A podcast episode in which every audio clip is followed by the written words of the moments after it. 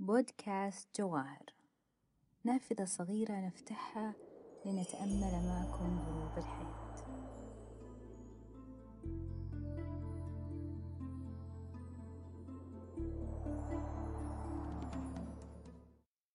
الحق أبلج والباطل لجلج.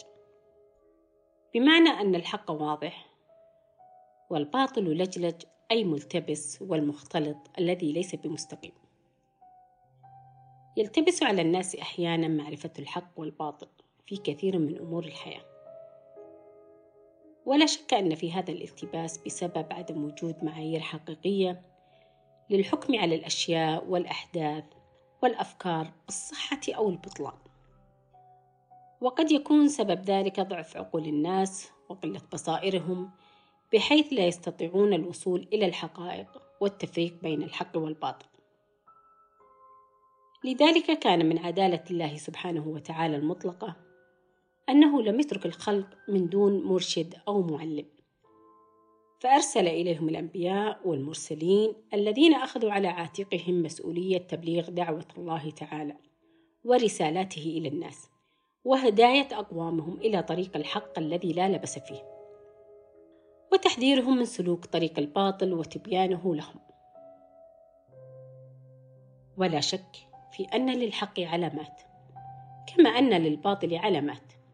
وبالتالي فإن الإنسان يستطيع التمييز بين الحق والباطل بمعرفة وإدراك عدد من الأمور. منها أن كل ما يصدر من رب العزة والجلال هو الحق. كما أن أنبياءه ورسله الذين أرسلهم إلى الناس لا ينطقون إلا بالحق. لأنهم يتلقون شرائعهم وتوجيهاتهم للناس عن طريق الوحي الذي لا يأتيه الباطل من بين يديه ولا من خلفه.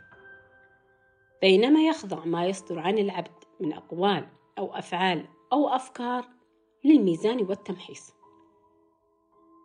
فقد تكون تلك الأمور حقا أو قد تكون باطلا باعتبار أن الإنسان مخلوق يخطئ ويصيب. ومن علامات الحق أنه يبهر الأبصار والعقول ويسكت الألسن. كما قيل أن الحق أبلج فلا يدع لأحد مجال للشك أو التأويل. كذلك الحق مرتبط بكل فضيلة وكل خير بينما الباطل مرتبط بكل مذمة وشر وقبيح من الأقوال والأفعال والمعتقدات. وبالتالي فأن النفس السوية تستطيع التمييز بين الحق والباطل بما يرتبطان به من الأفعال والأقوال. فالباطل على سبيل المثال يقترن بعدد من الأفعال مثل الكذب والزنا والغيبة والنميمة والقتل والكبر وسوء الأخلاق والطباع بينما يقترن الحق بعدد من الأفعال منها التواضع والكرم والعفو والتسامح وحسن العشرة وغير ذلك الكثير من الأخلاق الحسنة. إن الحق تحبه النفوس بينما الباطل تأنفه النفوس وتكتمه وتخشى عواقبه. لذلك يفتخر صاحب الحق دائما بحقه ويجهر بالدفاع عنه وإظهاره.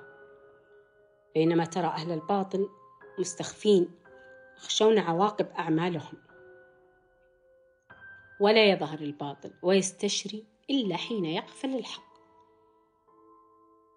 الناس محبين للحق بفطرتهم متبعين له ولذلك يستخدم الباطل الحق فيتلبس الباطل بالحق فيستخدم كلمات الحق في كلامه ليضلل به على البسطاء. وإن من أصحاب الباطل من يتلبس بأقوال الحق. لا أفعال. فلا يضر ذلك المسلم القوي الإيمان وضوح خدع أهل الفرق والضلالة. لذلك الحق له صفات وملامح ومعالم. ليست أفراد ولا أحزاب ولا جماعات ولا لون ولا أشكال. وها هو زعيم تنظيم دولة الخرافة المزعوم.